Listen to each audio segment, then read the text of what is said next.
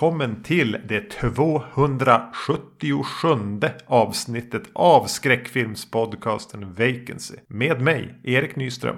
Och med mig, Magnus Johansson. Vi firar ju typ 10 år som podcast här i, under februari i alla fall. Jag har mm. faktiskt inte orkat kolla upp exakt vilket datum som det första avsnittet släpptes. Men februari, jag skulle säga mitten.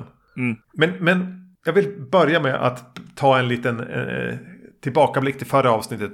Eh, när vi pratade om Rabid och Shivers. Då jag, då jag lovade att jag skulle se High Rise inför det här avsnittet. Vilket jag har gjort. Alltså Ben Wheatleys High Rise. Ja. Jag hade ju ingen koll på den. Eller jag visste att den fanns. Jag hade en uppfattning om vad det var. Mm. Eh, men jag hade ju ingen aning om att det var en sån udda film. Nej, just det. Precis. Det är ju väldigt mycket arthouse. Ja. Inte helt lyckad. Nej, nej, precis. Nej. Men den är väl värd att kika in. Eh, framförallt med tanke på hur lik Shivers den ändå är. Eh, och att det är ju High Rise är ju en, tydligen en ganska rak filmatisering av han. Nu har jag tappat namnet på Ballards eh, bok från tidigt 70-tal. Kultförklarad mm. bok. Eh, men det är ju så tydligt att Cronenberg har läst den. Eh, kasta in de här eh, sniglarna. Mm. Och gjort sin grej. Vilket nästan på något vis gjorde Shivers än lite mer intressant. Ja, vad, vad, vad kul. För det var ju ett tag sedan jag såg High Rise. Men, men jag, fick fort, jag fick definitivt flashbacks till den när jag såg, såg Shivers. Ja, precis. Ja. Mm.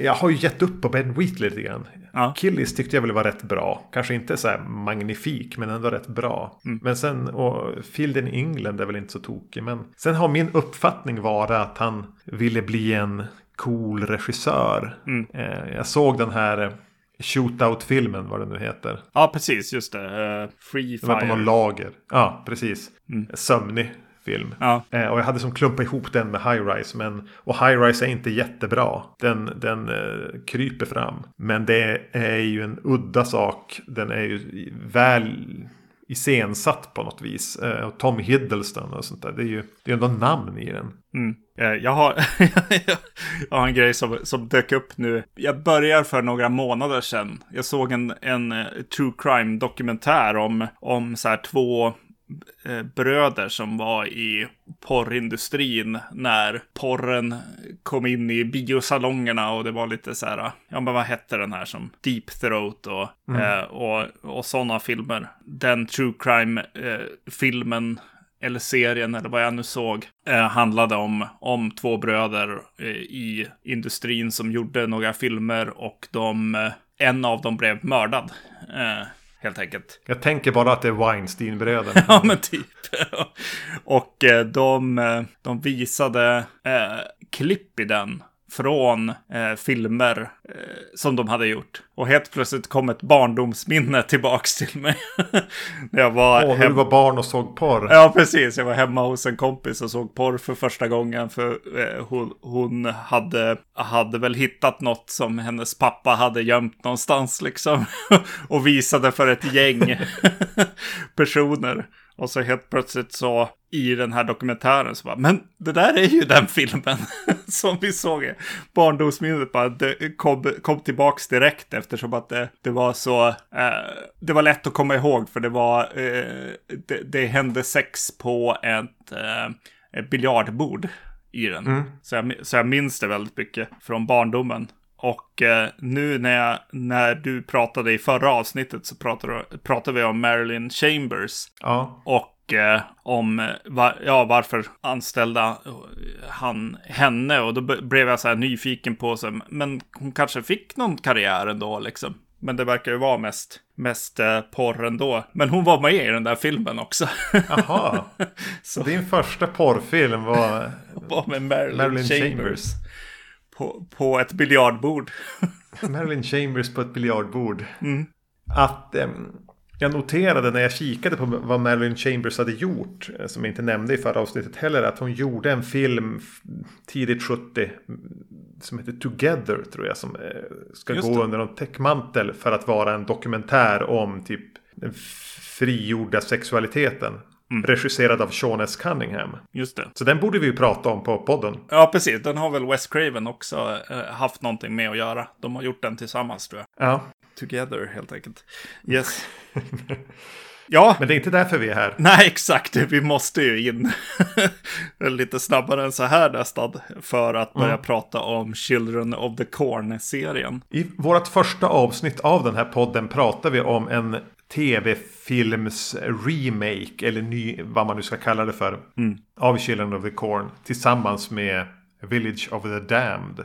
Heter den väl? Just John Carpenter-filmen. Mm. Och jag, jag, har ingen aning om vad vi säger om den. Eller om hur mycket vi nämner Children of the Corn-filmerna överhuvudtaget. Men innan vi ger oss i kast då med att prata om Children of the Corn 1, 2, 3. Yeah. Så måste vi ju någonstans ändå sätta, en, sätta scenen här för de här filmerna för dig och mig. Mm. Eh, och det här kan vara mycket bara fabricerade minnen från min sida. Jag vet inte. Någon gång såg vi ju första filmen. Ja. Men för mig har det som blivit sen att du och jag, förmodligen har det varit med andra personer vid de tidigare, men att vi såg liksom tvåan, trean, fyran. Att det blev lite våran grej att se Children of the Corn uppföljare. Mm. Utan att vi någonsin kanske tyckte att det var fantastiska filmer. Nej. Så blev det någonting vi gjorde. Mm. Som en så här, ja men på något sätt har den bidragit väldigt mycket till både att, att hur vi liksom byggde våran vänskap. Men kanske nästan ännu mer hur vi byggde upp det här gemensamma intresset för skräckfilmer. Just det här hyra en skräckfilm egentligen oavsett vad det var för uppföljare, för filmserier. Mm. Så har den varit, utifrån vad det är, så har den varit orimligt viktig. ja, ja eh, det är ju också en, eh, en nu när jag tänker på det som den filmserien, liksom när vi börjar se, se skräckfilm tillsammans, liksom. Ett gäng och sen, sen vi typ kvar. Eh, men eh, vi eh, hyrde ju film på eh, hyrbutiken helt enkelt. Och det här är väl en serie egentligen, skräckfilmsserie som, som eh, kommer när vi, när vi finns och när vi, när vi har börjat se eh, skräckfilmen då. Mm, eh, mm. Så, så filmerna kommer liksom eh, till hyrbutiken och åh, det har kommit en ny Children of the Corn-film liksom. Och det, det fanns väl inte så mycket av det egentligen. Eh, för man, man, följde ju de här 80-tals eh, slashervågen liksom. Och den, den kom ju liksom när vi, alltså eller den avslutades väl typ när vi var tio eller någonting. Ja. Så att, eh, och de stod ju redan där allihop. Eller inte alla då, men de som fanns i yyrbutiken. Men här mm. var det något att följa. Det är sant. Precis. Vilket ble, jag blev lite förvånad nu när vi har sett om de här tre första eh, över årtalen de kom. Mm. För hade du frågat mig innan vi hade bestämt att vi, vi skulle göra det här eller började kika närmare på filmerna så skulle jag, jag visste att första kom 84. Så mm. skulle jag gissa att tvåan kom 88 och trean 91. Skulle ja. ha varit min spontana gissning. Men nu är det ju så att eh, Tvåan kom 92 och trean 95. Mm. Eh, och redan 95 tror jag vi hade reducerat ner det här hyra filmgänget till att det var du och jag. ja. ja. Men, men eh, de var ju väldigt snabba till hyr också. De gjorde ju sällan så mycket väsen av sig på bio. Nej, precis. Jag tror det bara är första två som har gått på bio. Mm. Ja, vi ska kasta oss in i det här som, som, som sagt var. Men vi ska inte börja med Children of the Corn från 84. Nej. Baserat på Stephen Kings korta, korta berättelse. Som jag faktiskt läste i sin helhet i förberedelse för det här avsnittet. Jag brukar alltid läsa dem två månader efter vi har spelat in. När det, något, när det finns en litterär förlaga. Just det. Men det finns då alltså en kortfilm som heter Disciples of the Crow. En ganska inspirerad titel måste jag ändå säga. Mm. Som om söker du upp den på IMDB så står det 91. Mm. Men som jag förstår det är den inspelad 83. Ja, precis. Mm. Och eh, den här har, har jag sett tidigare. Eller vi har sett den. Ja. någon gång hyrde vi någon så här riktigt slaskig typ Tales from the Crypt grej. Med ett gäng ihopslängda filmer. Ja. Kortfilmer där den ingick. Jag tror det är därifrån det här 91 årtalet kommer. Att det var då den fick en distribution. Just det. Att någon eh, halvfattig, cynisk utgivare bara knölade ihop några filmer och dunkade ut på, på VHS-hyrmarknaden. Där den här ingick. För jag, jag, har ett ganska starkt minne av att vi såg den nere i Larsas eh, gillestuga. Där vi såg ibland när vi såg film. Och att den här var en del av det och att vi då tänkte ja men det här är ju Children of the Corn. Ja, men är det, är det Stephen King eh, filmatiseringen? Är det den här Night Shift eller? Nej? Ingen Ja. aning, men den är med någonstans. Okej. Mm. Någonstans har den här funnits utgiven i en samling. Eh, Det kan ha varit något gäng King. Men Ja. på något sätt associerar jag den med Graveyard Shift.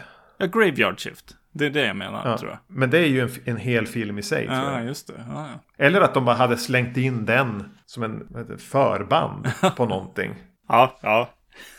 Får kolla vad den men- heter. Antologifilm. Den finns eh, inte utgiven på, på Blu-ray eller någonting. Utan den här kan man leta upp och se på, på YouTube. Den är knappa 20 minuter. Mm. Och är till, jag skulle säga, nästan fyra femtedelar, men åtminstone tre fjärdedelar en väldigt eh, trogen novellen. Mm. Eh, och redan här då så flaggar vi väl för allehanda spoilers och så. Ja. I hela avsnittet. Vi kommer att spoila de här tre eh, filmerna plus kortfilmen. Ja. Eh, men, men du hade inga minnen av att ha sett den här tidigare? Nej, det hade jag inte. jag fick inga minnen tillbaks i alla fall. Nej. Nej, det är ju en... en det här är ju tydligen en eh, otro, nollbudgetfilm ska man väl säga. Mm. Jag får känslan av att det är någon som har gått klart på filmskolan och vill göra något för att kunna skicka ut för att få jobb. Ja. Den mannen heter John Woodward. Mm. Eh, och valde då att gå till... eh, Alltså, anle, anledningen att den inte är utgiven må ju vara att den inte är authorized. Nej, precis. Han bara gjorde en King-filmatisering Mm. med sina kompisar och deras amatör så här, teaterpappor. Ja. Ett par, ett- ett grälande par är på bilresa, eh, kör vilse, hamnar i en stad som eh, där barnen har dödat sina föräldrar och tagit över. Mm. Av, av religiösa anledningar. Kanske är det någonting i majsfälten. Ja, alltså. jag såg ju första, första filmen, 84-filmen, och så sen, sen såg jag Disciples eh, of the Crow här. Man ser lite grann vilken typ av, av regissör eh, John Woodward vill bli på något sätt. Eh, vilket är en väldigt, eh, vad ska man säga, ha, det, det har mycket med val av bilder och, och och Ja. så göra. Och eh, det, är, det är till stora delar en snyggare eh, film än Children of the Corn. Rent, rent kompositionsmässigt i alla fall. Alltså rent eh, tekniskt är det ju inte det. Men ja, men den här staden och den här miljön får vara med på ett bra sätt. Eh, Mm. jag gillar även, alltså, det, det finns ju också en, en skräckfilms, liksom. Nå, någon som vill bygga stämning helt enkelt i, i, när han gör den här filmen. I det att jag tycker att den är, den är lite effek effektivare rent känslomässigt när eh, det ska dödas föräldrar till exempel i, i början av filmen.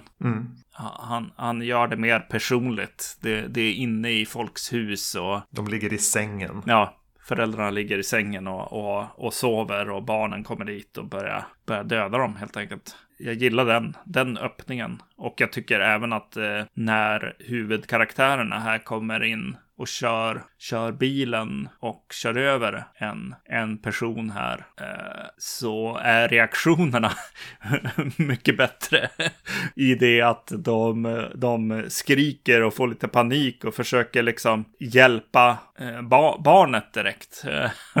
Det handlar, handlar mycket mer om barnet än om dem själva. Och hur gick det för dig och, och sådär som det är i, i filmen. Utan här, här är det traumat av att köra på ett barn eh, som hanteras på något sätt här. Jag tycker väl eh, både då, om man ska gå, alltså Stephen Kings idé här, Mm. som den här filmen, jag håller med, den tar verkligen fasta på att göra det effektivt.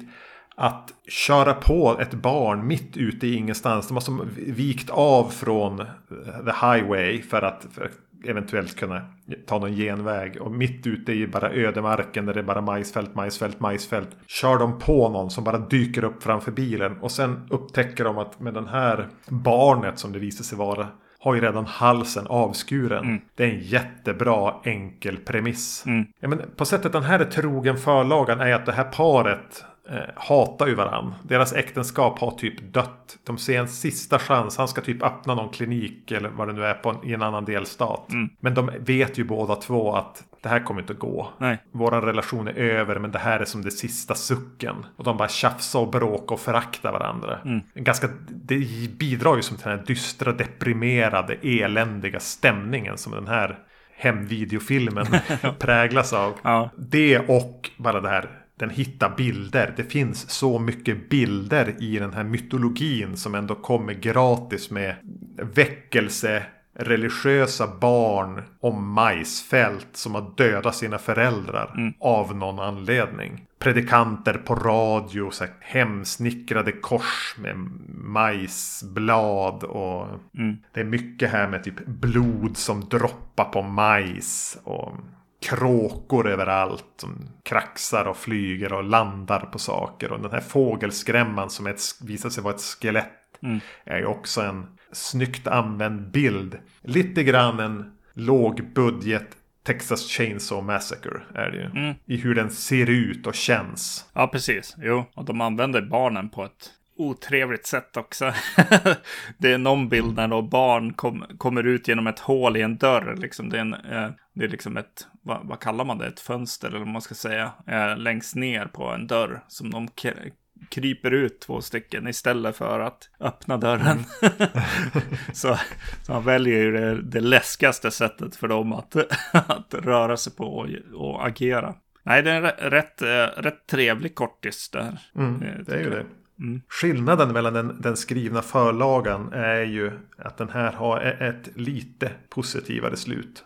Efter, efter sammandrabbningen vid kyrkan här så lyckas båda två ta sig in i bilen och köra ifrån de här barnen. Mm. Men den hänger kvar den här lite oroande känslan av att de har huggit in någonting. Är det en kniv eller en sån här skära i någon del av motorn. Och man får se hur den börjar så här, vara på väg att bli överhettad. Mm. Och så slutar den bara. Ja. I skrivna förlagan så separeras de där vid, vid kyrkan. Han flyr iväg, hon dras iväg av barnen. Han tror sig via att tagit sig ut i majsfälten och tror sig vara på väg därifrån. När han kommer till en glänta där hon hänger så här, korsfäst med ögonen utgröpta och majsblad intryckta i både mun och ögon. Och sen kommer det någonting ur majsen. Ja. Som inte är barnen. Men det, det den gör mycket är att den, när han är i majsfälten. Jag tänker det som en, också en skillnad. Att här pratas det mycket om kråkor och allting. Det han börjar reagera på när han har sprungit där. med, Men det är ingenting. Det är inga ogräs. Det är inga kråkor. Det är inga insekter. Det är bara de här majsstjälkarna. Det här är inte normalt. Någonting är fel. Ja. Som ju har en, en liten obehaglig touch i sig. Men, Medan jag gillar verkligen att de har som lyft fram kråkor här som en, som en del i det. Men ja, en trevlig kortis. Ja. Är den bättre än 84-versionen? Ja, det får vi gå igenom nu. Ja. ja. Men det, det är en kommentar där. Eh, kul att du går igenom lite grann av, av eh, själva novellen också. När du gör det så, så blir jag väldigt mycket påmind i mitt huvud. Så jag, jag, jag kan faktiskt också ha sökt upp den här vid något tillfälle i mitt liv. jag kände igen mig i det här. Den är ju bara så 30 sidor eller någonting. Den är ju jättekort. Mm, mm. Ja, Children of the Corn från 1984. Nu ändå så vill jag ändå backa till hur den här var en film jag hörde talas om. Och nu undrar jag, är det samma person vi har pratat om som du såg porr med? Som kan ha pratat om den här? det kan det kanske ha varit. Är det Elin? ja, ja. Ja. Eh, minns jag, det är alltså en gammal klasskompis till, till mig och Magnus Ja. från lågstadiet. Som eh, någon gång där i mellanst, lågstad, mellanstadiet måste det väl ha varit, herregud. Berättade om Majsens barn. ja. Någon skräckfilm och blod som droppade på en väska. Och någon som tryckte ner handen på någon i en, alltså någon så här köttkvarn. Och någon som fick blod i sin milkshake. Ja, Och det var det här med att det var barn som dödade vuxna. just det. Och sen gick det några år. Och jag minns fortfarande hur hon, alltså bara Majsens barn. Ja. Det är någonting även med den svenska titeln. Majsens barn. Ja, ja det är läskigt.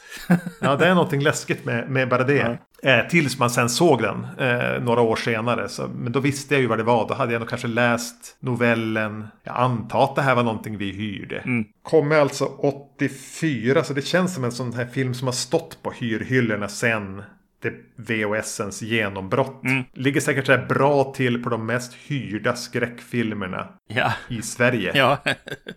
jo. Eh, den har ju det snygga omslaget med de här röd, eh, röd eh, svarta majsfält med någon barnliknande och den här skäran. Mm. Eh, är ju ett snyggt klassiskt omslag. Ja, verkligen. Verkligen. Den är regisserad av eh, Fritz Kirch. Mm. Som debuterade med den här. Mm. Och och, ja, återigen ett par hamnar på avvägar i Nebraska. I den här byn där barnen har dödat sina föräldrar. Yes. Peter Horton spelar mannen. Linda Hamilton spelar kvinnan.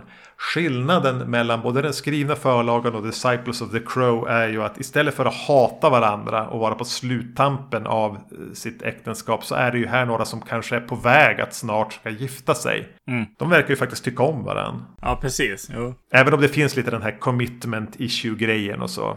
Det är lite roligt. Alltså jag, jag, jag såg eh, lite kort. eh, Jag hann inte se allting, men jag såg lite extra material på, på den här utgåvan med tre, tre filmer som, vad heter de? Studio S eller Njuta eller vilka de nu är, hade släppt. Jaha, ja, jag har en gammal Anchor Ja, okej. Bay-utgåva med så här omslag eh, man kan vrida lite grann på så rör sig den här skäran. Jaha, okej. Med de första tre. Ja. Min utgåva hade en, en intervju med eh, producenten som var en ung snubbe vid tiden som ville börja lyckas i, i filmbranschen. Och tydlig, tydligen tog han på sig, han tog på sig lite ansvar här för att så här, ja, alltså jag var ju ganska ung och naiv och eh, kände inte att att saker kunde, kunde sluta olyckligt eller med någon slags mörker. Så han, hade, han hade pumpat in en hel del hopp i den här Stephen King-historien. Och det här är ju en av, en av de sakerna. Jo, den har ju en positivare knorr. Mm. Eh, men är det han som är ansvarig då för att de fick slutpengar? Ja, det lär det ju vara. Ja, precis. Jo, han pratade om slutet. Ja, för de, de, det jag har hört, jag vet jag har sett den här med kommentarspår som är på den här DVD-utgåvan jag har. Ja. Ganska trevligt kommentarspår med regissör och minnet vill säga att det är typ regissören och några av huvudrollsinnehavarna som är med. Att den eh, fick stora problem med pengar. Bland annat för att de inte riktigt hade cleara rättigheterna och var tvungna att ta en stor del av den avsatta pengarna och ge till Stephen King. Eh, så att då fanns det ingen möjlighet att iscensätta He Who Walks Behind the Rose. Och vissa scener de hade tänkt var de, medan de filmade var de som var tvungna att stryka grejer. Och när man vet det så kan man ha lite förståelse för hur den, att den blir lite rumphuggen. Mm.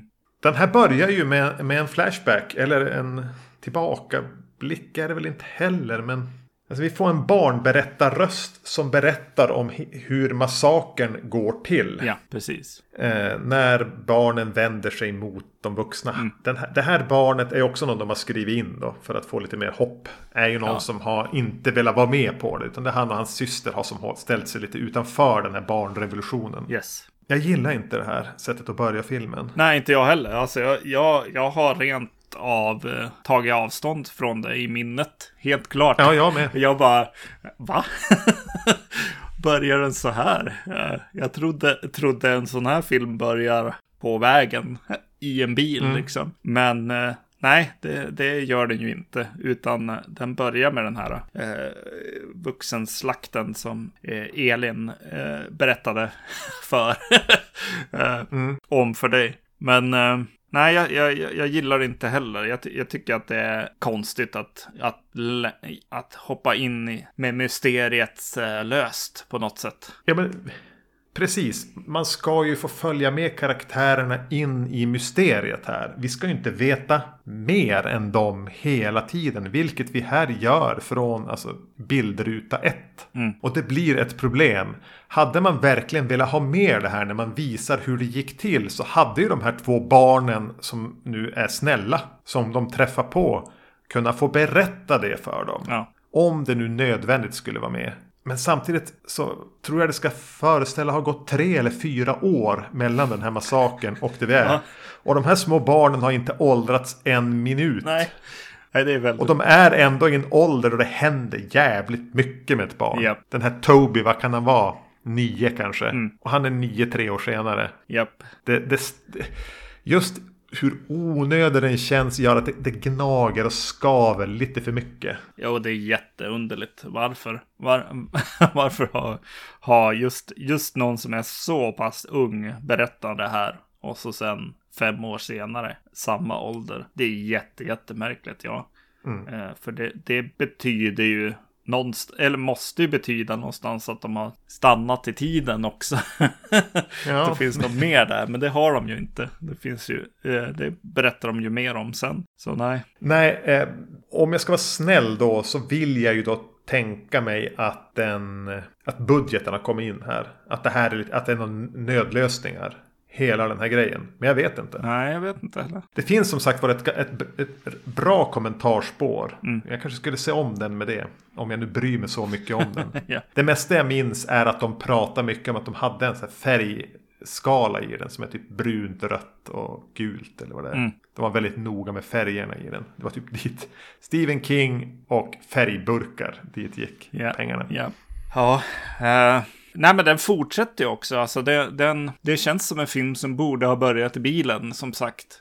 Men den, den fortsätter att göra, berätta mer, eh, setup, eh, lite så här filmskol, manus. Så här. Först berättar du vilka alla är och sen börjar ni. Det är någon slags eh, födelsedags eh, serenad där som, som Linda Hamilton håller för sin man också. Är på något hotellrum. Ja, precis. Innan de då åker iväg och det är dags för att filmen ska börja. ja. Det presenteras även när den här, nu har jag tappat namnet på han, han som, springer, han som får halsen avskuren och stapplar ut i vägen. Mm. Vi får se han smita därifrån tillsammans med de två snälla barnen. Ja. Också en onödig scen. ja. jo, Utan jag vill ju sitta i bilen med de här två karaktärerna. Okej, de behöver inte hata varandra. nej. Låt den ha en mer hoppfull ton då. Det, det säger jag ingenting om. Börja i bilen. De kanske till och med stannar någonstans och tar en kaffe och pratar om sina liv. Men sen fortsätter de. Jag vet inte. Mm. Var de ska vara. Men om de nu vill låta filmen andas i början. Men sen ska det bara smälla när de kör på den här pojken. Ja. För, för hela den. Han blir påkörd. Eh, de ojar sig över hur jobbigt det här är för dem. Mm. Eh, men jag kan gilla delar av eh, sekvenserna runt när de måste stanna där och han går ut i majsfältet och hon lyckas somna i bilen. Ja. Eh, om man bortser från det fåniga i det så är det ju lite snyggt också när man ser Malachi gå ut ur majsfältet just när han går in och skuggar runt bilen. Det är lite mysigt. Ja, det är snyggt. Alltså, ju- just, just den när han står i bakgrunden i, i majsfältet och de gör en sån där eh, mysig, tyst jump sca- scare. Eh, Ja. En sån där där man, där man får upptäcka det om man kan. om man lyckas. Ja, Brusig, söndertittad VHS-kopia kan du missa det. verkligen. Men eh, nej, det är snyggt. Och eh, ja, precis. Jo, men jag gillar också när han stalkar runt där vid, vid bilen och sen är det väl, ja, är det hon som som går fram till eh, pojken där och vi får en, en jump scare också. En ganska bra jumpscare. Ja, jo den funkar. Klassiska historien runt det är att de eh, bluffade Linda Hamilton. Hon visste inte att han skulle sätta sig upp. Och de sa till och med Okej du får göra det bästa med det här. Men det är så här varmt och vi har det är mycket regler kring barnskådespeleri. Så han, vi har lagt en docka under, under filten. Äh. Men gå bara dit, låtsas vara ledsen. Så bryter vi. Och sen när han sätter sig upp då i hennes mardröm där. Så är hennes eh, reaktion genuin. Ja, såklart. Vilka taskmörtare. Ja. Ja, nej, men det är lite roligt hur de ska ta sig till, eh, ta, sig till Gatlin här då. Där, där, där filmen utspelar sig. De, de har ju eh, det här liket i, i skuffen då, på bilen. Av någon anledning. Jag vet inte. Hmm, Ja, vad skulle man göra? Tar man, lämnar man? Skulle man lämna det vid vägkanten? Jag vet inte, just, just eh, i skuffen tänker jag så här bara, nej. Nej, åtminstone i Kanske- i baksätet baksätet. eller någonting. Liksom. Det, är no, det är något så här ovärdigt med att sätta, sätta liket i skuffen. Men, ja, ja. Mm, jo. jo, men hur det blir den här labyrinten. De stannar vid bensinmacken och han är alltså Crazy Ralph-karaktären där. Varnar dem lite eh, grann. Ni ska köra åt, lite grann. åt vänster eller vad de säger. Men sen är det som att skyltarna bara vill leda dem. Jag, vad, vad vill skyltarna? Jag förstår inte det. Nej, precis. För, först så är de ju eh, uppenbarligen felskyltade liksom. Men sen börjar det nästan få ett eget liv nästan. Att så här, vart vi än vänder och kör liksom. Så är Gatlin bara en kilometer bort eller mm. mile bort. Man skulle ju kunna tänka sig att, att de här som barnen i Gatlin ville vara i fred. Att de skulle leda skyltarna så att hur du än körde så styrde de mot det här Hemmingsford eller vad de pratade om. Ja. Men här är det som att de bara kommer till Gatlin tills de kommer tillbaka till bensinstationen. Just det. Hm. Ja, det tror jag. Det är väl inte heller så genomarbetat. nej, men, nej, nej. men sen kör de ju in i Gatlin. Och det är här filmen har lite styrka. Bara staden är övergiven. Eller de ser någon hund. Innan man förstår att en sån här söm, sömnig småstad. Som kanske redan då tidigt 80 var ganska hårt avfolkad.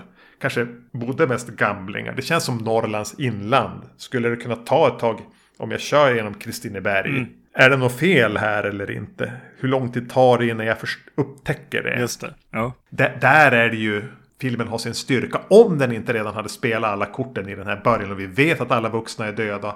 Och stan eh, styrs av eh, frireligiösa galna barn. Mm. Ja, exakt. Alltså om man hade klippt bort mycket av det och första gången vi ser ett barn är, är där på vägen, ja absolut. Det hade ju varit mycket starkare det är lite grann som hur, hur dåligt eh, rovdjuret egentligen börjar med, med eh, den här eh, rymdskeppet som kommer åkande i början. Eh, ja. som, som definitivt inte borde ha varit där. Men eh, nej, det är precis samma, samma grej som händer där. Ja. ja, men återigen det är inte så dumt när de som snokar runt där och det är majs överallt. Och... Mm. Eh, även om filmen får jobba stenhårt för att hålla dem kvar i stan. Mm.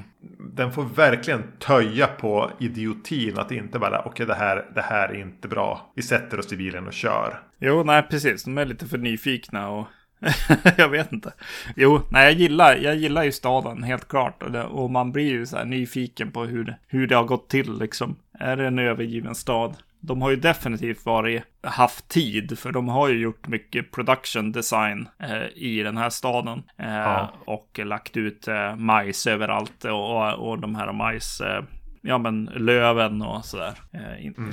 Skälkarna. Nej men det, det, det är coolt helt klart och gå in, i, gå in i många av de här husen och sånt också. Men kan vi stanna ett ögonblick här då för att eh, fortsätta prata om det som jag tycker är bra med den här filmen. Och det är ju mytologin de får med sig från Stephen King. Ja. Hela kombon här med med majsfält. Det är jätteobehagliga grejer, majsfält. Yeah. Det här med, med, alla de här olika, det, att man kombinerar någon slags hednisk typ dyrkan av majs med så här, väckelsepredikant, frireligiösa, krist, ga, gammeltestamentliga kristendomen mm. kombinerat med barn. Ja. Och den här varelsen He who walks behind the rose som är en bara namnet på, på, på någon slags gudo, gudomlighet som kallas för det. Ja. Eh, och att man kan kombinera då majs, krucifix och allt det här. Det, det finns så jävla mycket här.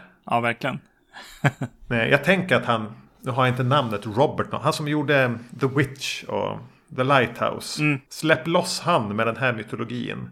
Låt han alltså utforska den på sitt sätt. Ja, precis. Nej, jag, jag, jag, ty jag, tycker det är roligt. Och det är roligt när du säger liksom de här sakerna. Och eh, jag, jag tänkte på, de har, de har ett, en dödskalle på på ett kors i den här filmen också och eh, kallar den för The Blue Man. Och den har ju mm. helt klart en polisuniform på, på sig. Och jag tänkte ja. hela tiden, där hänger han, Sergeant Howie från The Wicker Man.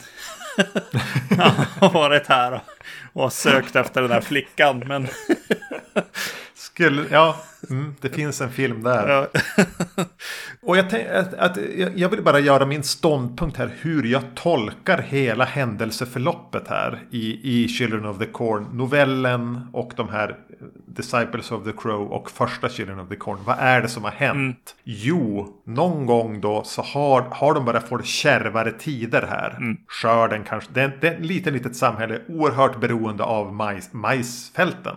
Kanske har ekonomin inte haft samma efterfrågan, skörden har slagit fel eller någonting. Det har varit tuffa tider för samhället. De har någon slags depress ekonomisk depression i Gatlin. Någonstans ute här i, ö inte öknen, men i majs, finns den då, då den här demonen.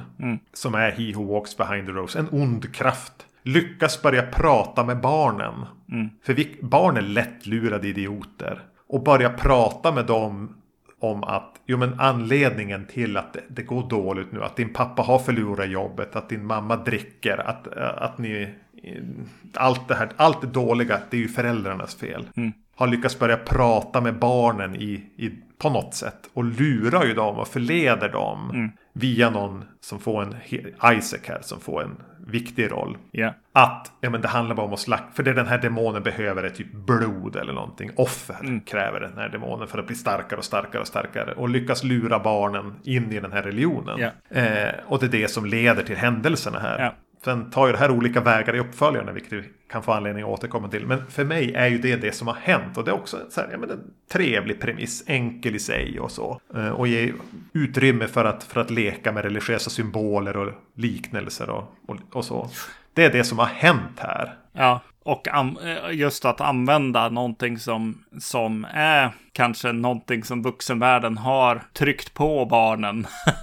Något som kommer från vuxenvärlden med eh, religionen och kyrkan och på Ja, söndagar ja. går vi till kyrkan och klär upp oss och sådär. Och att det där eh, helt plötsligt då får, får ett eh, liv. Alltså det finns på riktigt på något sätt och, och, och blir, blir tydligt så, så, så är det ju kraftfullt också för den här demonen att utnyttja det eh, genom att, ja, det är ju föräldrarna i sig som har, har satt sig i den här sitsen då i slutändan blir det ju. Man skulle kunna säga att föräldrarna får skörda det de har sått. Skulle kunna säga så. Ja. Eh, jo, men det handlar väl någonting om att eh, de har inte riktigt blivit uppfostrade att ifrågasätta auktoriteter. Och när det kommer en auktoritet som ly- utifrån och föräldrarna börjar tappa mandat i och med att de inte kan erbjuda någonting. Det går åt helvete. Så lyssnar man hellre på någon i majsfälten. Ja, precis. Och He Who Walks Behind the Row är skittufft. Och det finns mycket coola saker de säger också som är så här. Ja, men det är saker som, som är så här fint och man kan sitta där i kyrkan som barn och lyssna och så bara Ja, okej. Ja, så här funkar det. Men om jag säger, är ett litet barn med en kniv i handen och säger We want to give you peace. så, så börjar det bli jävligt läskiga ord helt plötsligt. Ja. ja. Men jag tror inte jag sa det, men Linda Hamilton, Peter Horton i huvudrollen. De fungerar ju. Ja. ja, jo. Yes. Pass, passable. Passable, yes. Nej men att, att den har haft lite tur. Det blir ju någonting med, man får gratis med Linda Hamilton. Att hon råkade bli eh, rätt, rätt känd. Ja, Men det är så, vad man kan förvänta sig i huvudrollerna i den här typen av film. Så det är inte så att de sänker den på något vis. Men där den har haft tur då, förutom i Linda Hamilton-fallet, är ju med, med den här dynamiska onda duon. Ja. I Isaac och Malachi. Där filmen har lite underutvecklad liksom maktkamp inom majsens barn. Där Isaac är liksom den utvalde som f- pastorn för He Who Walks Behind the Rose. Och så har han hans högra hand som är lite musklerna som är Malachi. Och Isaac spelas då av John Franklin som vid, vid tiden för den här filmen var typ 25. Men tack och lov ha, hade någon märklig så här, hormondefekt eller vad man ska säga. Som gör att han ser både lite konstig ut, är jättekort och har en gäll och pipig röst. Och ett ansikte som är lite kerubigt. Eh, som ju, alltså, det går inte att tänka sig någon som är mer perfekt i rollen som en ondsint barnpredikant än han. nej precis. Nej. Och nästan ännu bättre, eller jo, ännu bättre är ju Courtney Gaines Ja. som Malachi. precis. Som musklerna, som den här hot... Den som faktiskt skär halsen av dig mm. med en sån här skära. Och hur han presenteras. Yeah. Det är där de har lite så här, råkade snubbla över någon slags guld med de här två. Ja, jo, nej, det funkar hur bra som helst. Det är en ganska, ja, som du sa, den är underutvecklad, eh, deras äh, maktkamp liksom. Det finns en som kommer med äh, rösten och orden och liksom är äh, kontakten till Gud och sådär. Han som predikar helt enkelt. Och sen då den som kan leda med, med musklerna helt enkelt. Jag tycker maktkampen kommer så väldigt plötsligt liksom. Den, den skulle kunna... den hade kunnat få sjuda lite mer. Ja, antingen det, ja precis. Eller då inte vara med alls. Utan att det är verkligen den duon liksom. Mm. Men ja, fast när jag tänkte den tanken så kände jag nog att det är bra att den är där i alla fall. Men den skulle ha, ha arbetats in lite mer. Lite mer än den, de 45 sekunder den får. Mm, mm. Ja, alltså jag kan tänka mig när, när du sa så här, ja, Linda Hamilton och, eh, oj, han har jag inte ens... Peter Horton. Ja, precis. Att, att eh, Bert och Vicky heter ju de. Mm. Där har vi lite mer problem kanske med regi ibland. Det kan, kunde ha hjälpt, hjälpt filmen om, ja, om, om regissören eller någon hade lite bättre koll på, på det läskiga i filmen, kan jag tycka. Jag tycker att ibland så så eh, fumla, fl, fumlar de liksom. Ja, de kör på en person eh, i början. Och det blir väldigt mycket handla om hur, åh, gjorde du illa dig liksom, eh, Vicky? Jag bara, men herregud, Vicky borde ju bara eh, få, få panik och Bert också för den delen. Att så här, vad, vad fan har vi gjort liksom? Vi har kört ihjäl ett barn. Ja, exakt. Sen är det rena så här äh, hej, gå omkring, smyga omkring och det ska bli liksom någon slags spänning eh, där det inte händer. Eh, det finns några sådana sekvenser och det finns definitivt en jump scare där de har delat upp sig i ett hus och så helt plötsligt så dyker de upp på samma plats. och musiken verkligen bara skriker eh, någon slags eh, fake jump scare eh, situation där eh, Bert eh, springer på Vicky och eh, musiken verkligen vill hjälpa till men det, det händer inte liksom. Det blir inte den där sköna liksom oj, nu dök, dök hon upp. För hon står bara där och väntar på att han ska vända sig om. Och så sen eh, hoppar de till. Och nej, det, det är inte bra. Ja, men från det att de går in i det huset där de träffar på den här flickan som sitter och spelar vinylsinglar. Mm. Där får filmen problem. Eh, med riktning kanske. Eh, det, det mynnar som ut i att de av någon helt orimlig anledning delar på sig. Och det kulminerar mest med att, med att Bert här trampar runt in i Gatlin mm. i sin vita skjorta och får en, bli anfallen och jagad, slöjagad. Och det är väldigt trist. Mm. Förutom när Courtney Gaines kommer in och skriker Outlander. ja. Älskar de Ja, precis. Ingen kan skrika Outlander som Courtney Gaines. Nej, precis. Det är väldigt bra. Alltså, ja, precis. När hon blir bortförd och upp, upphängd på ett kors, där får jag så här. Ja, det är ju och snyggt. hon ser the, the Blue Man framför sig som en reflektion över vad som kommer hända henne. Eh, det, är ju, ja. det är ju riktigt snyggt eh, eh, skräckmoment. Sen, sen är det mycket som är så här. Ja, men de, de drar in henne till stan eh, för att få ut Bert som har gömt sig någonstans. Och mm. ropar efter han Outlander och hej och hå. Och eh, det händer inget. Det nej. blir ingen standoff eller någon, någon liksom, den, den scenen man kan tänka sig ska ske där. Bara, nej, nej, utan en kameraman har hoppat upp på ett tak och filmat ner på en korsning och det är så här, ja, det är ju lite snyggt. Men sen då? och den, den, den, är nära att komma åt det här också, att den vuxen man här, var han typ 30. Mm. Blir övermannad av barn slash tonåringar. Det här är lite kränket i det. Mm. Att de är lite för många. Jag fixar inte här. Ja. Hade det varit en eller två eller tre eller kanske till och med fem hade jag som väl kunnat sparka och bara ta dem. Mm. Men nu är de för många och det är lite kränkande. Att jag får stryk av barn. Ja. Men, men nej, den får inte fatt i det heller. Mm. Nej, så den har ett stort parti där då det blir ingenting. Sen blir det den här scenen där hon är korsfäst och så. Det är ju, det är ju coolt när de är ute i majsfältet och hon ska upp på det här och se Blue Man. Och så kommer den här lilla maktkampen mellan Isaac och Malachi. Då Malachi vinner och de korsfäster även Isaac. Men våra hjältar gör ju som ingenting för att påverka händelseförloppet. De är ju verkligen ungefär som vi tittare här. Eh, utan det är ju mer slump och sånt som avgör. Ja, Och även här hade de ju problem med, med budgeten när de skulle iscensätta när, när He Who Walks Behind the Rose faktiskt dyker upp. ja, Det jag tror de var ute efter var inte att han är någonting under marken utan att han kan kontrollera marken. Han kan kontrollera luften. Han kan kontrollera, alltså, Och har man det med sig blir det lite bättre med de här sakerna som rör sig under jorden. Och det här jättemärkliga CGI-grejset som letar sig upp på Isaac när han är korsfäst. ja just det. N- någon dimension nästan som... Nej, jag vet lite Tron-aktigt. Ja just det, den, den, den liksom äter upp Isaac och sprättar iväg korset Ja. på majsfältet. Vilket han ju inte gjorde med Blue Man av någon anledning. Men det som är så fånigt efter det. Det är ju då att det är det här hoppet som producenten här vill ha in. Så, så håller ju då Bert, eller spelad av Peter Horton som jag sagt nu tusen gånger. Han lyckas ju som bara tala alla till rätta. Ja. Men vad är väl en, en, en, en tro om den inte är grundad i kärlek? Ja. Men det här är alltså efter de har sett He Who Walks Behind the Rose komma fram som en mörk ond kraft sprätta iväg ett krucifix eller vad säger jag, ja, men ett kors över majsfälten och var definitivt var en påtaglig ond kraft som det förmodligen är ganska klokt att bara göra som den säger. Så lyckas han ändå övertala alla om att de bara är lite, talar, talar dem till rätta Ja. och börjar gå med han istället. Yes.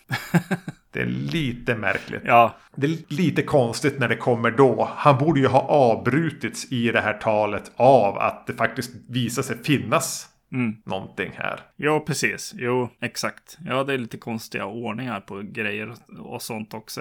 Jo, jag vet inte. Det är en skräckis. Man får prata om specialeffekterna. Eh, Ja. Men eh, jag tycker att så här, det som rör sig under marken, den tycker jag är en bra effekt liksom. Eh, Ja. Och hur de har gjort den. Och jag tycker att så här, när majsen börjar röra på sig och det känns liksom övernaturligt på något slags mystiskt sätt. Sådana saker gillar jag, men sen, sen de här uh, teckna på neg- negativen effekterna, det är ju inte bra alltså. De skulle definitivt ha hållit det lite mindre magiskt, eller vad man ska säga. De hade kunnat göra samma saker utan de Ja. bitarna. Jo, precis. Eh, ja, de hittar ju lite moonshine och löser hela problemet med det också. Det kan vara lite kul när man gör en, en ute på vischan skräckis. Jag vet inte. Det finns alltid, det alltid lite hembränt. Yes. Och att de bränner upp typ en liten, liten del av majsfältet. Ja. Att He Who Wa- Walks Behind the Rose var egentligen typ som The Predator. Bara en osynlig varelse som var på en plats vid ett tillfälle. Och satte man eld på han just då så dödade man honom. Han hade, det var inte så att det var en kosmisk kraft som var luft, vind och jord och vatten och eld eller någonting. Nej, för det är inte så att de bränner ner alla majsfälten. Nej, precis. Det är ju en, det är bara en liten Ja. del. Men det, återigen tänker jag att budgeten kom in och störde idéerna och visionerna som fanns här. Men det finns ju någonting konstigt där.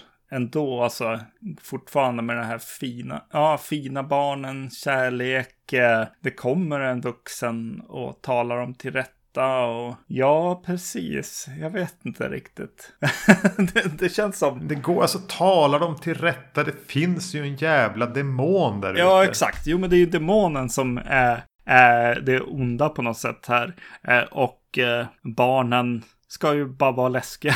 Jag vet inte. Ja. ja, Nej, de tappar bort Ja. det som är obehagligt och slutet är ju ganska patetiskt. Mm. Eh, när de typ i princip adopterar de två snälla barnen. Jag vet inte var de andra barnen tar vägen, det är det ingen som bryr sig om. Men de tar ju med sig två, eh, de här två snälla barnen och ska promenera. Och då kallar de för What are we going to do with these two munchkins then? Ja. ja, jag vet inte. Alltså den här har nog aldrig varit sämre än vid den här titeln. Jag har sett den ändå då och då.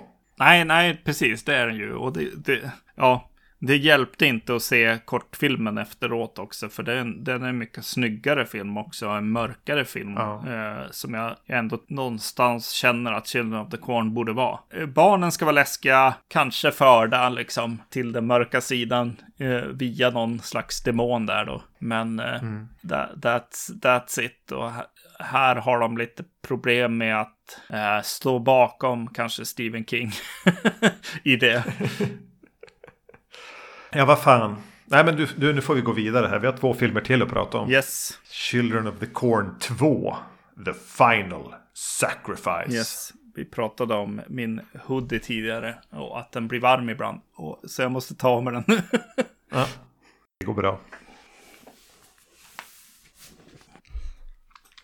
Så. Då fortsätter vi. Ehm, Den kommer då alltså 92. Den är regisserad av David Price. Som inte har gjort något större avtryck som regissör. Det jag noterade är att han var skådespelare i grunden verkar det som. Han är i alla fall med i 9 to 5. ja. Vilket, jag var, jag var så jävla nära att göra det. Jag tänkte, men jag hyr och ser 9 to 5 bara för att se vem han är i den. Just det. Men jag gjorde inte Nej. det. Någon jävla måtta får det vara på hur djupt vi ska dyka in i de här majsfälten. Mm. Ja, den här tar väl vid typ där första filmen slutar visade sig. Det tog ett tag innan jag förstod det. Mm. Några barn forslas till den här vad, Hemmingsford eller vad det nu heter. Ja. Och vi får följa dels ett barn som har hamnat där tillsammans med några andra barn. Tillsammans med barn som kanske kände dem. Och en eh, reporter som åker dit för att berätta om storyn som ju finns i Gatlin. Och hans tonåriga son. Mm. Och ondskan fortsätter, typ. Mm. Det hjälpte visst inte att bränna upp en 10 gånger 10 meter del av majsfältet för att sätta stopp för He who walks behind the rose. Mm. Jag börjar med, med hur, hur nöjd jag blev med förtexterna. Jag bara nu, nu kommer den här ikoniska loggan som, som är på VHS-omslagen liksom. De har bara Ja, anammat det. den rakt av och, och lägger den in i filmen eh, som Children of the Corn 2 här då. Eh, Jag gillar förtexterna också, och det, det, för det finns en rolig referens till originalfilmen i den. För att förtexterna påminner en hel del om de här dåliga effekterna när Isaac eh, blir anfallen av He Who Walks Behind the Rose. Eh, det är liksom majs, majsfält som vi får se, men med den här lite konstiga, liksom kosmiska eh, känslan som är där. Och jag, Ja. jag blir lite... Jag får lite nostalgi till or- originalfilmen här. Eh, och tycker att det är lite kul att, att de har anammat eh, något som var så fruktansvärt dåligt i första filmen. Men i en förtext så funkar det ju väldigt bra. Eh, det det Ja. känns också sj- eh, 70-talet, lite Giallo, lite What have they done to Solange och eh, lite sådana förtexter så här. Ah. Ja. Mm. Mm. Intressanta associationer. Ja. Den känns även väldigt mycket 90-tal. ja, yes.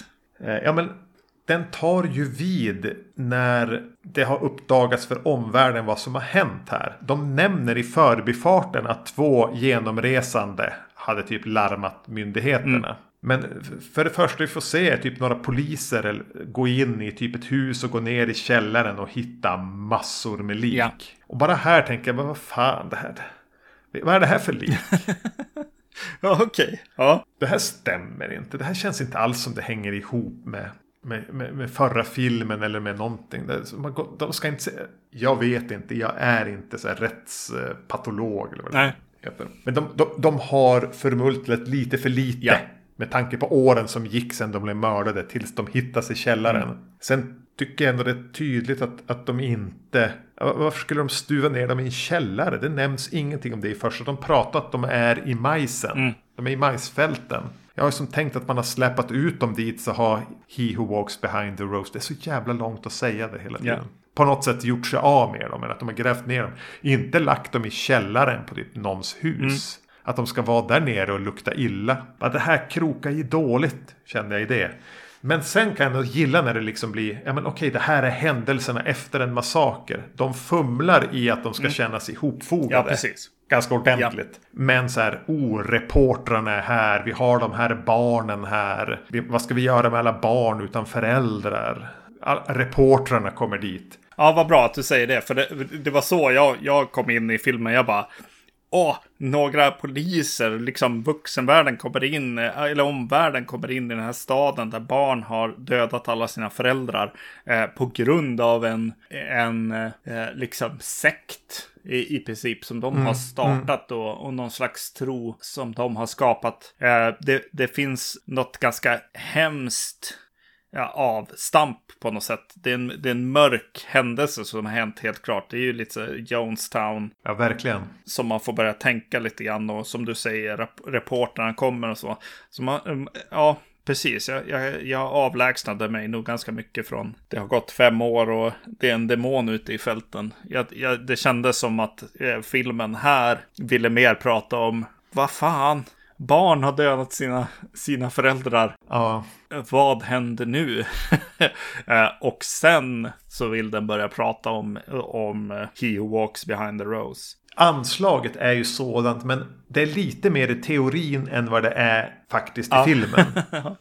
Yes. Det här handlar en hel del om god vilja.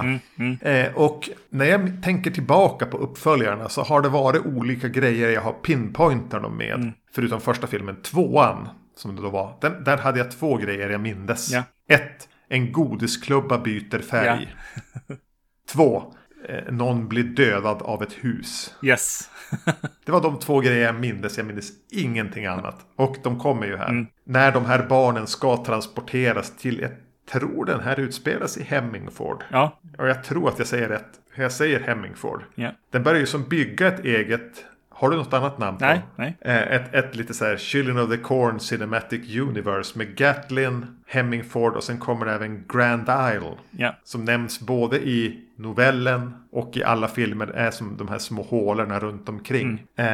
Så, ja, men de ska eh, skeppa iväg dem dit med någon buss eller vad det nu är. Och då är det någon... ehm, är det doktorn kanske? Eller är det någon präst eller vad det är? Som ger alla så här godisklubbor. Även de som är lite för stora för att få en jävla godisklubba. Och en karaktär, är det Maika kanske? Som vi ska minnas. Eller om det är den andra killen. Mm. Få en godisklubba när han går på bussen som är väldigt tydligt är typ röd.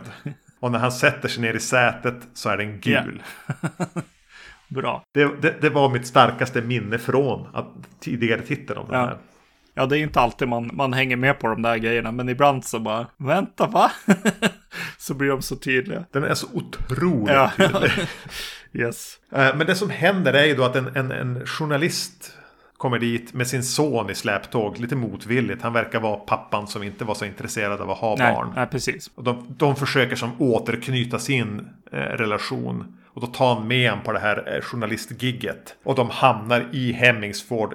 Hemma hos en kvinna med pottfrisyr. Som även tar in ett av de här omplacerade Gatlin-barnen. Tillfälligt åtminstone. Den här farsan vill jag ändå ge en liten eloge. Han är, han är ju lite tv-skådis. Eh, eh, Oh ja. Men eh, jag tycker att han, han ger den här filmen en, ett, eh, någon att haka upp sig på. Bättre än Burt i första filmen. Han har någon slags helt vanlig pondus tror jag. Som gör att jag bara, ja men jag, jag, jag hänger med när han, när han går på sina äventyr och börjar så här undersöka någon gamla skola och sådär. Nej men han kan, han kan ta oss med på eh, en ganska tråkig scen. Helt enkelt. Eh, på något sätt. Jo, han är tråkig i sig, men jag håller med. Han har någon slags eh, pondus. Och kanske är det det här som vi ganska snabbt får förklarat. Den här lilla, lilla knorren som finns i det förflutna. Som han får möjlighet att prata om med sonen, med den här kvinnan med pottfrisyren. Så att, ja men ja, det var inte riktigt så här och hon, min mamman är så och nu ska vi försöka knyta an. Det är jättebasalt. Men det ger ändå lite mer än i första filmen. Ja, precis. För de här karaktärerna i centrum. Jo, men precis. Jo, men det finns ju i, i förra filmen. Det, det finns väl inga liksom riktiga så här eh, tension eller liksom några så här. Ja, men jag har ett litet problem som karaktär eller en svaghet liksom som. Character arcs. Ja, exakt, Eller vad man exakt. kallar det för. Fin- Nej, de existerar. Eh, precis. Det är någonting i första filmen om att hon är lite besviken på att han ibland vill göra annat än att mysa liksom. Det det är Ja. det som finns. Det är en ganska tunn konflikt. Ja, ja. Medan då i den här så, så har de skapat en konflikt helt enkelt. Även om den är lite så här övertydlig. sådär. Med pappa, frånvarande pappan som, som nu måste ta med sig sonen någonstans. Och det han ska göra är ju att nysta i mysteriet en gång till. Mm. Det är verkligen den här Bert och Vicky. Det de sa var, ja men ni borde kanske kolla i Gatlin. Nu tar vi de här två barnen och sticker. Ja. De berättar ingenting om vad som hände och vad de upplevde. Och Mm. Det är som att de helt plötsligt nu får upptäcka under den här filmen Mm. vad som hände. Ja, det, det är lite, lite slarvigt, men jag kan acceptera det. Ja, precis. För vad skulle de annars nysta i? Jo, men alltså det är kul med, med... Det är en kul setup tycker jag, med det här med barnen och så. Och sätta dem i en annan plats. Och en del tycker inte att de borde vara där och en del eh, ser inte hotet. Eh, det är ju lite kul, men det som, som gör den här filmen liksom lite mer kul, det är ju att det är en skräckfilm. det är bara en skräckfilm. Det är så här, ja men några av repo- reportrarna liksom kör vilse in i majsfältet och dör en spektakulär död. Det, det är, här ska det bli ska det bli följetong. Här ska det bli en, en filmserie av det här. Och jag, eh, jag my- myser Alltså jag släpper eh, sargen mot för i förra, i förra filmen vill jag, vill jag att den ska visa mer eller vara mer, ha mer tyngd. Jag vet inte om det är Stephen King, liksom anknytningen eller vad det är. Att det är ett litterärt verk och att så här foto och så liksom ska kännas lite mer gritty och det ska liksom, ja men, Det är lite grann som att första filmen har en chans som den fumla bort. Den här har ingen chans. Det här är bara tvåan på jävla Children of the Corn. precis, exakt. Gör bara något. Ja. Och då tycker jag att det är lite mysigt med så här, åh, Mm. eh, någon slags, någon predator-syn inne i majsfälten. Och, och lite kul med den här eh, röda i den och så där. Jag, jag, jag tycker det är så bara, ja det där var kul. De, de tar första filmaffischen och försöker göra film på det på något sätt. Eh, och det är något, eh, något lite kul med det på något sätt. Här börjar de även vara... Man börjar märka att ja, men vilka bibliska namn kan vi använda? Vi hade Malachi och Isaac i första. Det nämns några till också. Men här är det Micah som Ja. är the big bad. Som får vara så ställföreträdande Isaac. Mm. Svartklädd gosse. Som ju då är den som flyttar in med ja, eh, journalisten och hans son. Danny heter journalisten i alla fall. Eh, Så, journalistsonen. Just det. Eh, och se på fan, de ger han någonting att göra också. Han träffar ju en tjej. Ja, Det blir lite småsöt kärlekshistoria. De, det är inget fel på deras kemi. nej, nej. Eh, när hon kör på någon jävla moppe och han står och väntar på bussen och säger bara, bara så du vet så går den bara på tisdag. Ja men det är lite tv-gulligt. Ja, precis. Och det är en romans som är så här väldigt tonårskåt på något sätt också. Och det är liksom, jag kommer vara här i två dagar, du vet det va? Så att, ja, let's go. När hon eh, presenterar scenen, jag tror inte det första, det är andra gången dyker upp så står hon och tvättar håret i ett vattenfall. Just det, just det. Och eh, hon direkt bara, "Va- men vad gör du? Kom hit då. liksom. Kom hit och Yes. kör lite wet t-shirt contest med Yes. mig. Det jag tror filmen vill, men det den inte förmår. Mm. Det är ju att bygga upp en vänskap mellan Danny och Micah. Just det. För de hamnar ju under samma tak. Mm. Eh, Och det kommer några små... Micah är mest ute och springer i majsfälten och typ eh, pratar med He Who Walks Behind the Rose. Men, men, men, och är bara obehaglig hela tiden. Ja. Jag hade behövt scener när de finner varandra. Att de kan faktiskt bonda. Mm. Hade de lyckats med det så hade... Ja, då hade eh, vi haft en del byggstenar här till något som hade kunnat vara rätt Just bra. Rätt bra. För nu blir det ganska mycket att den, den kastar in lite grejer. Och den prövar saker. Och det så här, nästan så att den skjuter så här Palpatine-blixtar. Eh, eh, De har ju uppa effekterna i alla fall lite grann från, från 84. Även om jag tänker att budgeten här är väl ungefär på samma nivå. Ja, Ja, precis. voodoo blandar de in också. Just det. Blödar-voodoo i kyrkan. Men det är det som jag tycker är lite härligt med filmen. Alltså när, när, den, när den väl gör sina så här utfall, eh, skräckutfall så bara, ja men vi kör lite mer så här gårigt och nästan skrattretande, eller det är det ju. Eh, när, när han börjar blöda i, i kyrkan. Jag började faktiskt skratta när han började ställa sig upp och det bara sprutar blod och, och i kyrkan. Och, ja, det, det, det kändes så här lite så här, bara, ja yes, nu är vi här. Och eh, det, jag tycker att den är skönt 80-tals liksom enkel och sla slashery också i, i allt egentligen. Musiken är ju väldigt så här 80-tals enkel och eh, eh, rökmaskinen och de mörka partierna eh, och nattlampan, den, den lite starka nattlampan som finns i, i eh, nattscenerna. Det är, det, är något, det är något mys med att den är så Ja. bara... Sätt ihop en skräckfilm hörni. Okej. ni, ni får Children Ni har det här sedan tidigare. Och ni har till på torsdag på er. Japp, japp. Eh, Det är frågetecken som dyker upp ändå är ju så här, som jag nämnde det här husmordet. Det är ju någon kvinna som, eh, äldre kvinna, Mm. som bor i Hemmingsford som är på något sätt förstått, förstått allting. Ja, Och hon, hon har tänkt flytta därifrån hon ska ta sitt och ta hus huset med sig. och, och dra. Ja. Ja. Eh, och, och det blir, saker händer, hon är och kryper un huset och då dyker upp en massa otäcka barn och huset faller ner på henne. Ja. Men Om du ska bara skriva ett mord i en film om var, varför i helvete gör du så här då? ja. Ja, det är jäkligt långt till den här mordscenen på något sätt. Och, och det är väldigt så här mycket som måste förklaras. Eh, att så här, jag har bott här hur länge som helst, men nu tar jag mitt hus och drar, säger hon i en scen. Och sen kommer man hem till henne och, och förstår att jo, men hon ska faktiskt flytta sitt hus. Det är det som blir hennes fall Ja, bara också. för att platta till henne liksom under huset. Ja. Alltså det är ju ingen jättebra Nej. alltså, skräckscen. Och, ja, ja. Nej, men du sa det å andra sidan. Du sa, ja, tvåan, det är den när någon får ett hus på sig. Ja, det... Precis. Man minns Ja, det ju. Så det är fan ett genidrag. Ja, nej.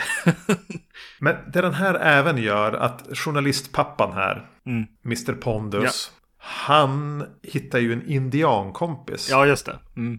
Som är antropolog. Han är inte bara någon klok man eh, som röker pipa och så. Utan han är ju typ jättehögutbildad akademiker.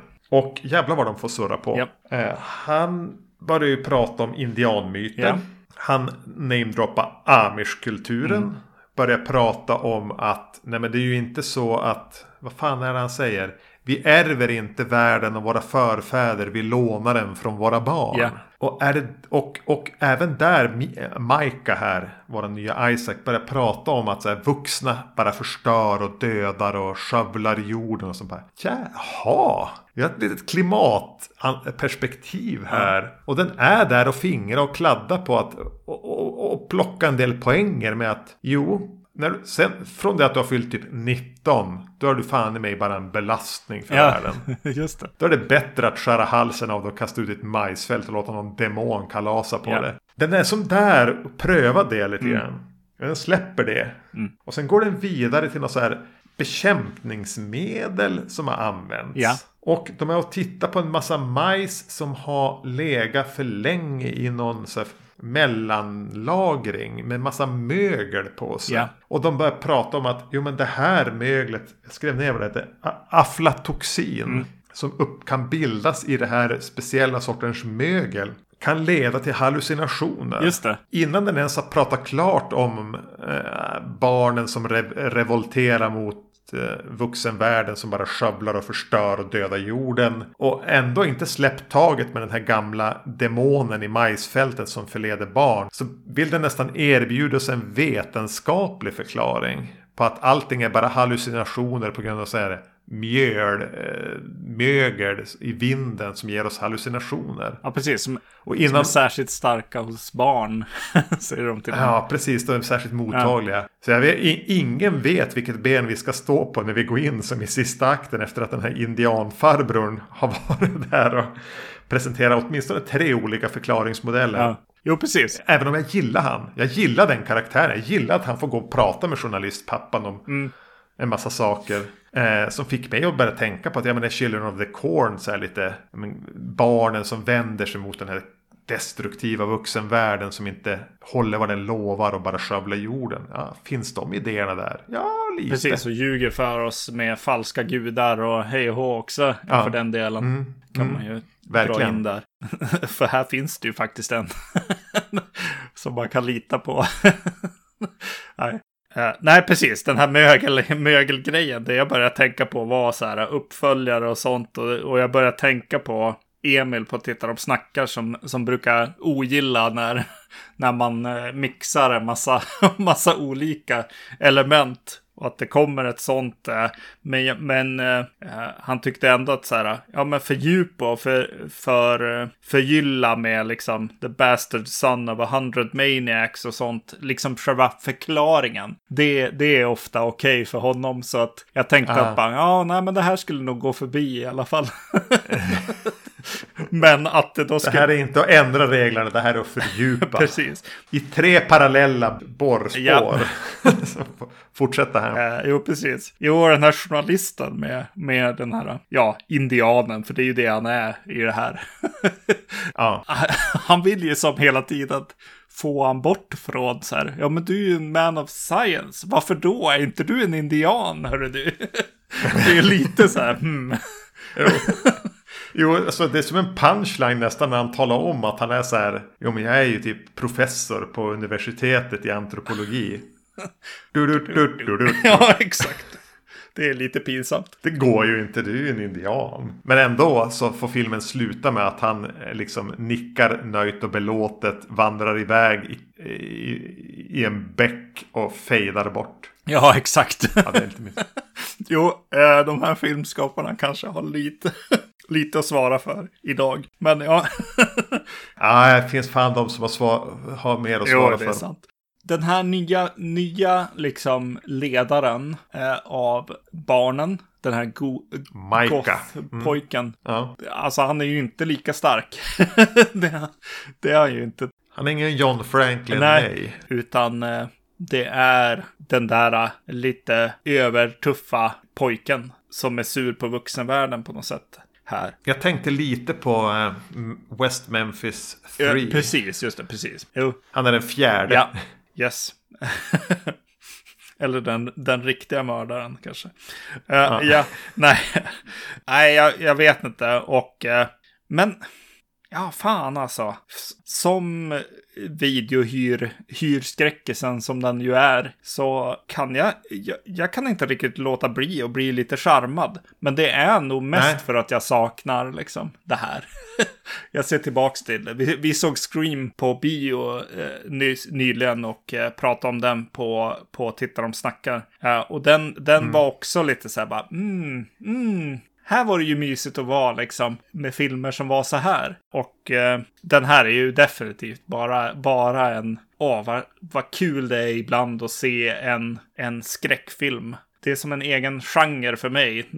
För jag, jag brukar ju sätta filmer i genreordning i mina hyllor. Och mm. eh, det dyker alltid upp några filmer så här med lite monster och lite sånt som är så här. De är lite svåra att, sätta dit och då sätter jag dem där bara. Det här är en skräckfilm.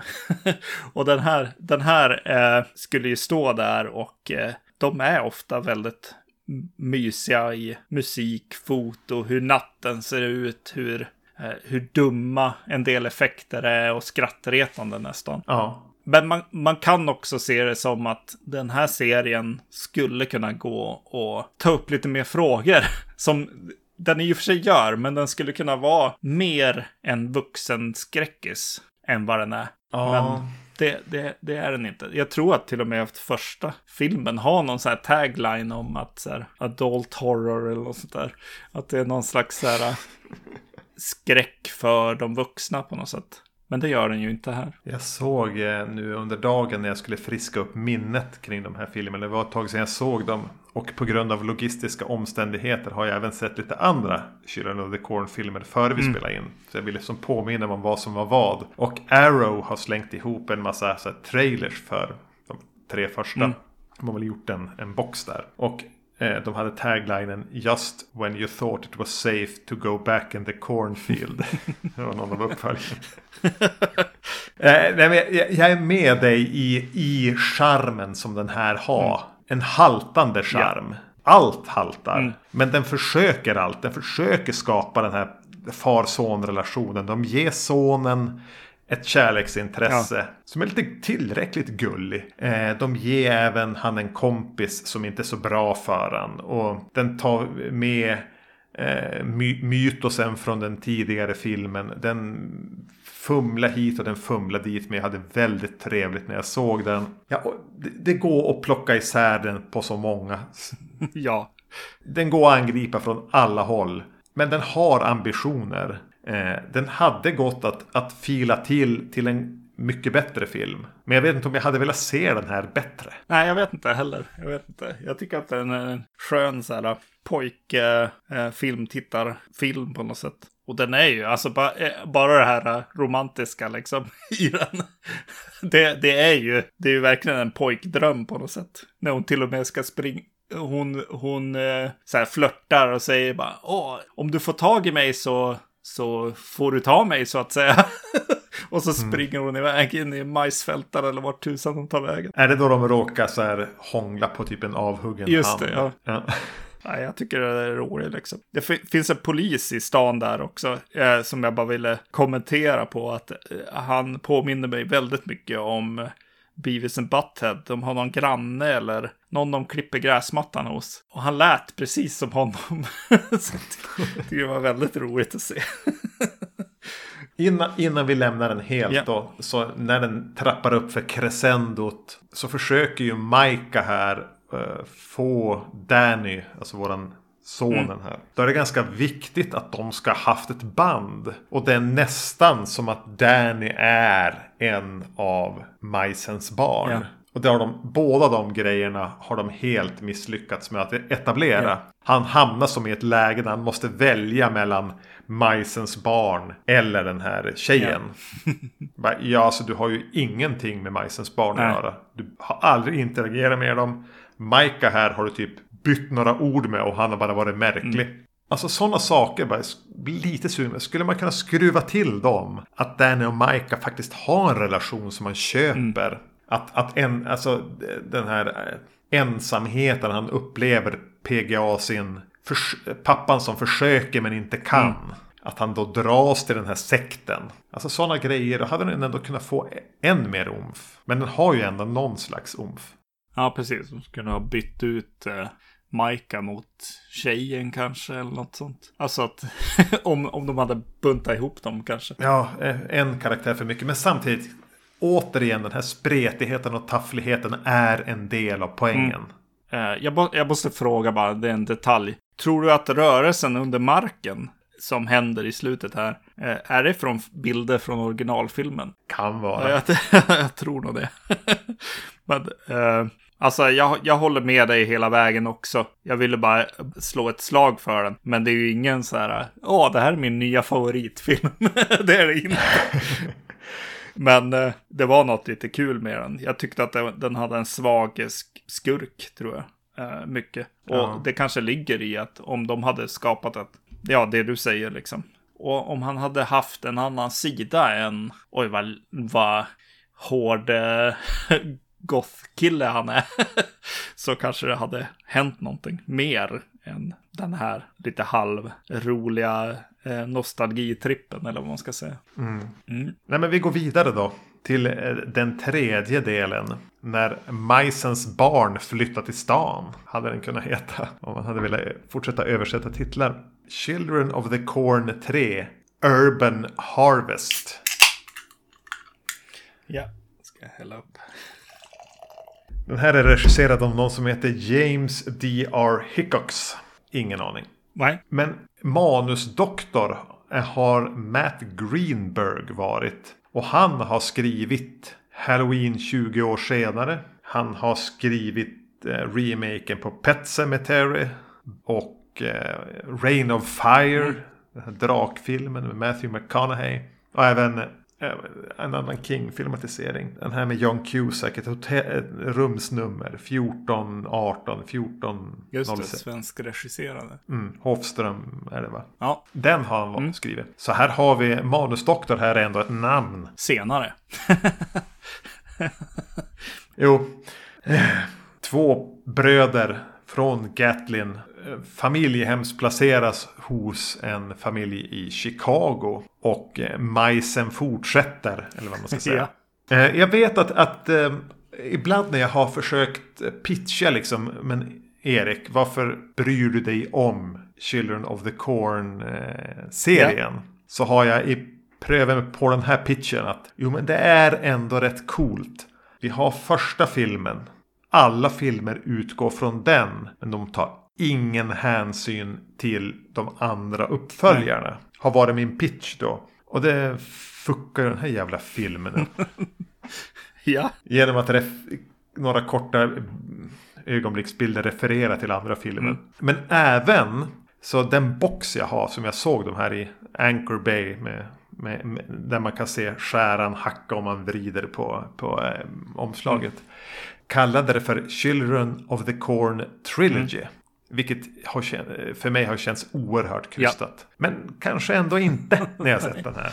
ja, Lite beredd att revidera den uppfattningen. Eh, Men, men eh, den här händelsen som filmen börjar med. Med en alkoholiserad pappa i en jävla trailer i ett majsfält. eh, Med de här två barnen. Utspelas det efter händelserna i första filmen? ja, ja. Det här är även lite grann för att det var väldigt länge sedan jag såg den och jag har sett fler. Ja, just det. Nej, precis. Uh, en av den här eh, ena pojken bor ju med sin farsa där i, i majsfälten i princip. Och den andra pojken har ju som bott in sig med dem. Ja, var han en omplacering från den första, efter den första Ja, precis. händelsen? Yes. Ja. Så, så han, han är ju den som har kontakt med He Who Walks Behind the Rose. Det är väl så, så, det, så det sker så att säga. Så de är ju inte bröder utan de är ju... Adoptivbröder typ. Ja. Alltså, ja, när du säger teologi så måste jag undra lite grann för att det, har varit väldigt mycket så här. Eh, första filmen är eh, en person som har gjort, eh, någon, någon producent där som helt plötsligt kom på att han måste betala Stephen King också.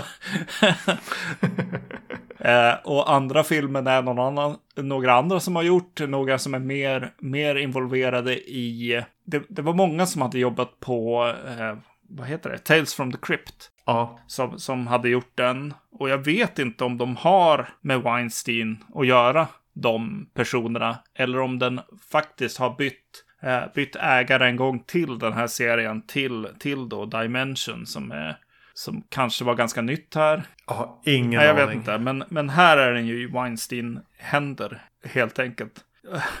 Det var nå- något jag noterade med så här, ja, trilogi, men det, det är ju som att de, de ändå har försökt hålla, hålla i det här på något sätt. Och ja, eftersom att han är omplacerad också, jo. Nej, de har, har bara hållit på här, helt enkelt. Desperat försökt få den här att knyta an till de andra. Mm.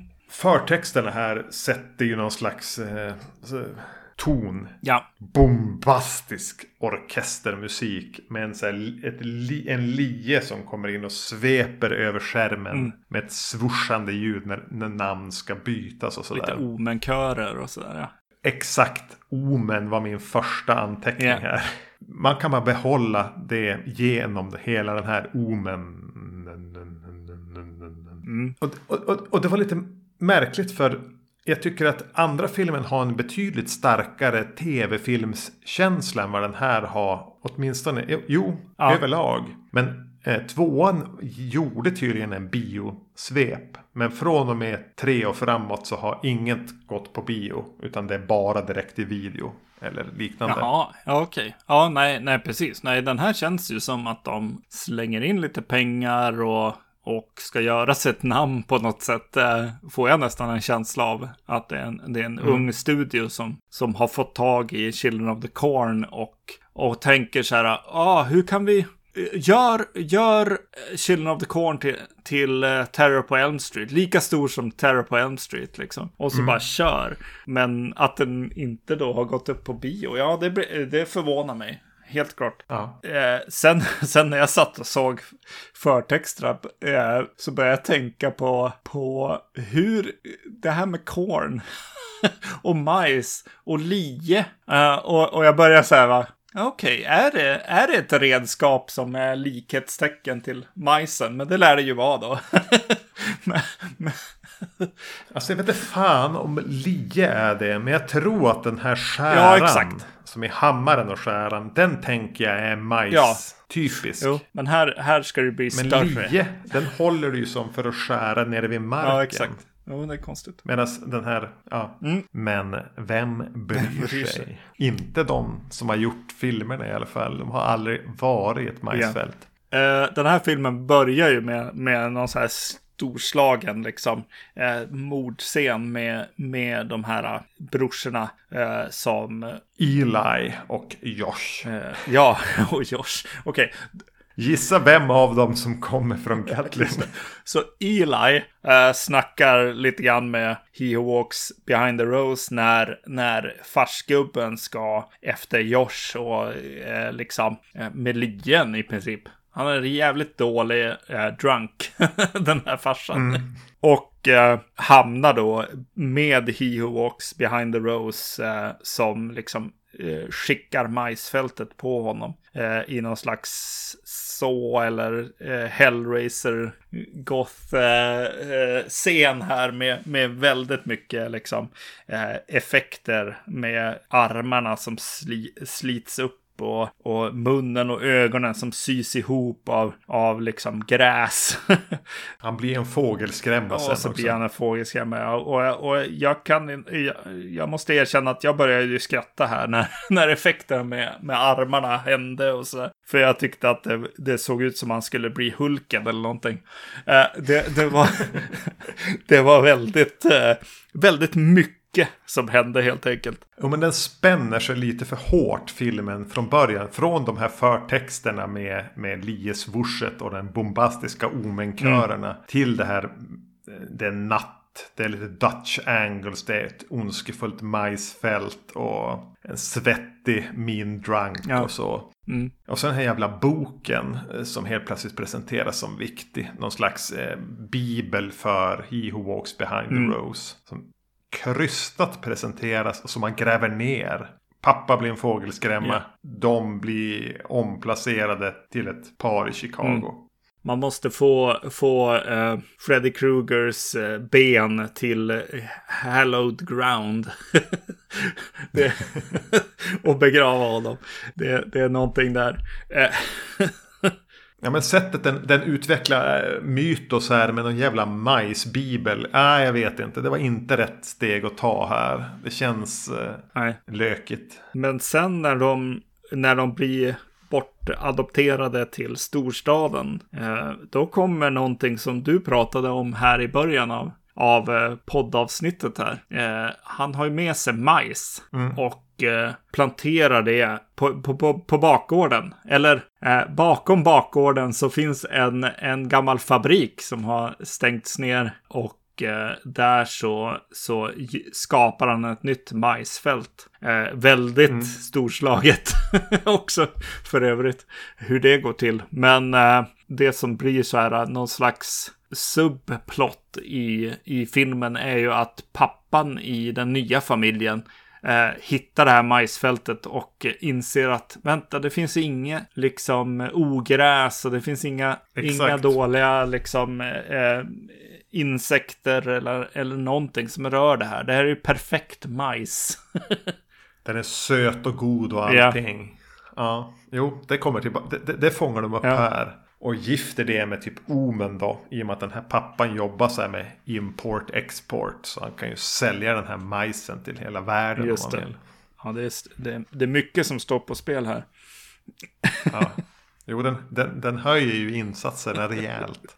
ja. Jo, men de är ju i stökiga Chicago hos det här rikemansparet. Som ändå verkar gå på en, ha barnen i, sätta dem i en skola med så här. det gick inte att inte tänka på anledningen till att Fresh Prince inte fick vara kvar i Philadelphia. När de är och bråkar på basketplanen och sådär. Mm. ja, det är så här Fresh Prince-tuffingarna från eh, bredvid. Ja. Eh, som de råkar lite i luven mm. på. Eller blir kompisar med. Kanske till och med ihop ja. med. För här får ju den här äldre brorsan Josh vara uh, the straight guy. Han vill följa genom mm. filmen. Och så har han hans här frikyrkliga knäppa majs-lillebror Eli. Mm. Eh, som inte kommer överens med de nya föräldrarna och som är märklig i skolan och som bara vill vara med sin bror och som planterar majs i fabriken bredvid. Mm.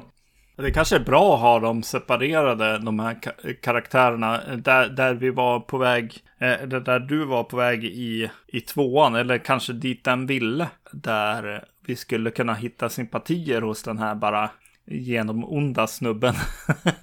som, som ja. inte riktigt går att relatera till. De separerar på det lite, lite grann och gör två karaktärer där. Eh, där det finns en som man kan, kan börja förstå och till och med följa ju. Han ja. byter ju ganska snabbt från, från att vara någon slags utböling i storstaden till att faktiskt smälta in. Mm. Mm. Nej men som sagt, den här, den här, jag har nämnt Elm Street jättemånga gånger och det är det enda jag kan tänka på när jag ser den här filmen. Att det är stora effekter eh, för en skräckfilm som ska göras här. Det ska sås majs och det, det görs genom att jorden öppnar sig och liksom det, det, det är stort allting. De går så långt att det är väldigt mycket som är så här eh, drömsekvenser. Eh, det känns som att alla alla börjar drömma och se konstiga saker liksom hända och sågar det eller sågar det inte eller. Ja men precis det är ser saker grejen med skalbaggar och massor med kackerlackor eller vad, vad, vad, hände egentligen och sa hon verkligen det där? Mm. Och, jo, eh, han gör ju även sen när han typ slickar henne i örat, mamman i örat yeah. och så. Så verkligen Freddy Krugers barngrejer. Mm, mm. Och gud vad jobbig hon är, mamman. Ja, de har gjort det så. ja, alltså det är inte hennes fel om man nu skulle se henne som en, en verklig människa. Mm. Men vilken jävla otacksam roll. Och hon dör ju typ halvvägs in i filmen också. Och det var verkligen en lättnadens ja. suck. Och då vet jag inte om tanken är att jag ska sympatisera med henne. Eller om jag ska äh, irritera mig på henne. Eller jag vet inte, men hon är, hennes sättet hon porträtteras på i förhållande till de här två pojkarna blir jätteenerverande. Mm. Jo, verkligen. Och det gör nästan att jag börjar heja på den här Eli. Men låt han ha sitt jävla majsfält. Låt han göra sin grej. Bara du slutar vara så förbannat yeah. jobbig. yes. Teknisk detalj dock. Eh, I filmen heter hon Amanda. Yeah. I eftertexterna och på IMDB heter den karaktären Alice. Ah, bra, snyggt. ja, no, noggrant jobbat gänget. det är bra. Uh, jo, precis. Nej, hon får ju den där ot otacksamma grejen att vara den som är lite paranoid eh, kring det hela och eh, över, över eh, alltså det är ju hon som ofta ser saker som ingen annan ser och, och så och det blir, eh, det, det, det, det är ju jobbigt, men hon blir också jobbig och irriterande. ja, nej, det är inte, nej, det är inte, inte så bra där. Skolan de går mm. på verkar ju vara någon slags halv, inte internatskola, men någon slags eh, religiös koppling. För de har ju sin egen präst. Mm, precis. Rektor slash präst. Och de har mycket tid, alltså i kyrkan när de sitter och lyssnar på ja. honom. Så vad det är för slags skola de här adoptivföräldrarna har valt att sätta majsens barn i. Jag vet inte fan alltså, finns de här skolorna? Är det många skolor i USA som är en blandning mellan halvstökig The Wire-skola och en religiös friskola? Ja. Eller internat? Ja, jag vet faktiskt inte. Men ja, är det så här skolorna i Chicago ser ut? Kanske, kanske Nej. inte. Rektor slash präst här spelas ju då av Michael Ensign. Mm. För mig kommer han alltid att vara hotellägaren är han väl inte, men hotellsnubben i första Ghostbusters-filmen. Som rekryterar dem för att stoppa Slimer och som försöker vägra betala. Ja. Jag ser bara han som har gått vidare i karriären här. Yes. Ser lite ut som John Cleese kanske. Mm. Just det. Eh, oh, gud vad jobbigt han har i den här filmen. Ja, precis. han får kämpa med mard. Han, han, är väl den som har de flesta mardrömmarna. Och de, eh, han försöker predika sin tro när han har den här Ila i församlingen som bara ska förnedra han hela tiden och få honom att se dålig ut. Och, fan vilken uppförsbacke. Det här är 90 minuterna är för ja, ja, precis. Just det. Ja, det är han som, han som drömmer en mordscen från andra filmen. Ja. Han drömmer mordscener från både första och andra filmen. Det är han som pajar min teori om att det bara är första filmen som existerar för alla andra uppföljare. Han drömmer sekvensen eh, från första filmen när de, den vi inte gillade, tillbakablicken som den Just öppnar det. med. Men han drömmer även mordet på doktorn i andra mm. filmen. Han som ger ut klubborna i olika färger. Ja. Som byter färg. Mm. Eh. Det är även han som ser ba majsens barn med så här jutesäck över huvudet. Ja, just det. Ja. I så sepia-toner. Ja, inte, inte helt nej, tokigt. Nej. Ja, alltså. vad, vad, är det här för film? ja, för mig blir det verkligen så här. Det, det, är väldigt intressant att det är en direkt till videofilm. Eh, för mig. För att jag ser ju bara Elm Street liksom. Eh, wannabe-filmen här. Eh, och det kanske är, den kanske kom under en tid där det börjar vara lite lättare att göra de här ja, men, typerna av grejerna som är så, så lite större grejer. Den kom ju 95 så den eh, kom ju i det här vakuumet då det inte fanns någon trend eller någonting. Utan man prövade väl att, att, att eh, vidareutveckla olika befintliga franchises eller lite vad mm. som helst. Ja det här är bara året innan Scream, typ. Mm. Eli, han, han sätter sig ju och börjar snacka med folk på, på skolan och, och skapar sig en kult, en sekt helt enkelt. Ja, det, det är skoj ändå. Han är ju verkligen den här amish-pojken i, i en uh, tuff high school-miljö. Ja. Som får uh, följare. Mm. Ja. Jag var inte med jag trodde inte den skulle ta den vändningen. Nej, nej. Eh, och, att, och att Josh är den sansade äldre bro, adoptivbrodern, eller vad man ska säga, mm. får som hålla till godo med grannen, två syskon. Ja. Där han är lite tänd på, på, på en mm. av dem.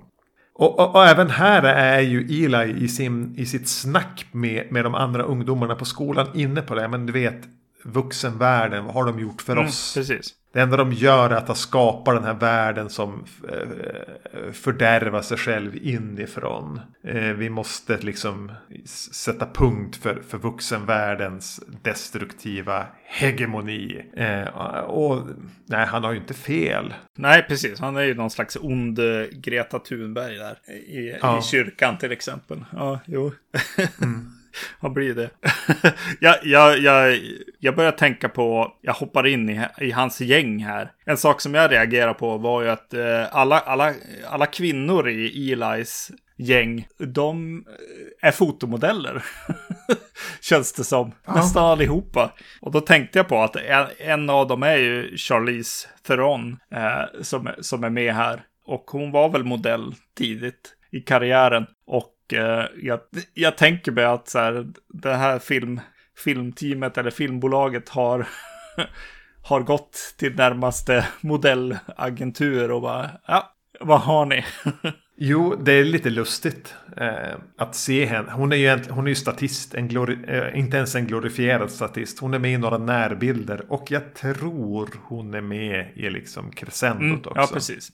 Med, med, med ett gäng li, lik likadana, höll jag på att säga. Ja. Men, fotomodeller helt enkelt. Känns lite obehagligt i, i relation till att det är ett Weinstein-producerat producerad film hur, hur just kvinnorna ah, ser ut. De unga kvinnorna ja, ser ut i den här filmen. Harvey kom in på inspelningen. Skulle bara se hur det gick. Mm. Jag tycker att det är ett logiskt steg att ta efter första filmen, andra filmen. Ja, men vad ska vi göra nu då? Det blir lite Jason yeah. X-grejen. Ja, men vi sätter dem i stan. Jag kan tycka att det är väl ingen dum idé att majsen får bli det de tar med mm. sig. Att pröva den vägen då. Att de på något sätt är ute efter någon så global domination. Ja. Sprid majsen över världen och he who walks behind the rose blir allsmäktig. Ja. Visst, Ja, precis. Precis som effekterna så är, det, är liksom hotet större och liksom och så. Och ja, jag kan följa med. Ja, klart man ska ta det Ja. till stan. Sen har jag lite svårt att verkligen få fäste i någonting. Jag tycker ingenting charmar mig. Jag tycker att eh, det är någonting som bara blir lite tristare med det jämfört med andra filmen. Även om det är ju inte jättemycket sämre. Nej. Och, och, och, och, när jag har haft min så mentala mindmap på vad som är ettan och tvåan. Det var med klubban och dödad av hus. Tredje filmen. Det var i stan och ett stort monster i slutet. Mm. Jag hade, eh, när jag kom in här så, så tänkte jag på en stad, stor, stora höghus och jag hade så här majsfältet uppe på taket på en hög byggnad. Hade Ja. jag, hade jag minst, eh, men det, så var det ju inte. Och när de kommer till stan är jag också så här bara, ja det är en, det är en villa med en så här paint-over på en stad runt omkring. Eh, det, det, det blev lite antiklimax klimax för mig där. Jag tänkte på, på att du brukar säga så här, man, man ska inte avbilda Cthulhu, brukar du säga ibland när du blir, blir sur när det är för mycket saker på SF-bokhandeln som, som eh, har en bild på Cthulhu. 90% av allt på SF-bokhandeln har en bild av Cthulhu på Yes, sig. exakt. Så då tänker jag så här tanken, men, men eh, He Who Walks Behind the Rose då? Ska man avbilda eh, honom? Nej, inte så här i alla fall. Ja, nej. ja, men det är ju ett eh, stop motion. Eh, Monster, ja. Ett ganska motbjudande sådant. Men jag kan väl liksom förlåta filmen för att den tar den vägen. Det var den väg den ville ta. Vi får som en monster mash i slutet. Där jag var eh, när jag satt mig ner och min fru såg på annat på en laptop bredvid så, så sa jag, men, men du, nu ska du få se en Barbie-docka bli uppäten av ett, av ett monster. Ja men det- exakt. Visst var det, det så? var huvudsaken som jag visste, för, eller kom ihåg och hade med mig från, ja, från när vi såg den här helt enkelt. Att så här, ja, nu kommer vi se, se så här ganska stela ben, så här försöka röra sig i stop motion. Eh, och eh, det får vi ju och det är ju underbart. jag tycker det är så men- roligt. 95 var ju ändå CGI Ja, det ska, det ska inte hända, men det händer i den här filmen. Det var väldigt roligt då och det är ju fantastiskt fortfarande tycker jag. Så dumt. Mm. Och, och just sett i, ur perspektivet att man gör man en, en Children of the Corn uppföljare så ska man ha med sig liksom det som etableras i, i första filmen och så får man ta det åt vilket jävla håll man vill. Och då kan man göra en film i Chicago med ehm, ett stop motion monster i en fabrik på bakgården. Och att göra den med stop motion grejer, ja men visst. Mm. Då var det väl så då. Precis. Exakt. Att Charlize Theron är, eh, ligger där på marken och tampas med några tentakler. Vilket jag inte är säker på, men jag tror Ja. att hon gör. Ja, men ja, det är, lite, det är ju lite kul eh, i efterhand. ja. Nej, men alltså den är ju inte, inte, eh, inget vidare liksom. Eh, men jag tror att det är ganska bra plats just nu för mig att eh, se om de här helt enkelt. Jag får en, en skön nostalgitripp och eh, den här var jag lite, lite, sur, lite sur på. Lite så här, ja men vad fan Elm Street-grejen. Jag, jag tyckte att det var för, för mycket och någon slags nästan Hellraiser eh, wannabe också för den delen. och Omen då, glöm inte Eh, Omen. precis. Ja, jag tyckte att den, den spände musklerna för hårt nästan. Ja, den hade väl kunnat våga vara lite mindre. Men ja, nej, det är ju en ganska risig film. Det är klart det. Skillnaden mellan de här tre första filmerna är ju inte jättestora i kvalitet. Men det är väl något vi får återkomma till också. Ja. Vi ska försöka sammanfatta hela det här universumet någon gång. Här om 300 avsnitt senare. Jag vet inte hur många filmer det finns riktigt. Men Jag, eh, jag misstänker att vi måste göra det här som jag tycker är så jävla cringy och jobbigt. Eh, för man kommer att ångra sig liksom dagen efter. Men eh, vi kanske ska göra en, en eh, rangordning här helt enkelt. Försöka hålla koll på det medan vi ser de här filmerna. Ja men såklart.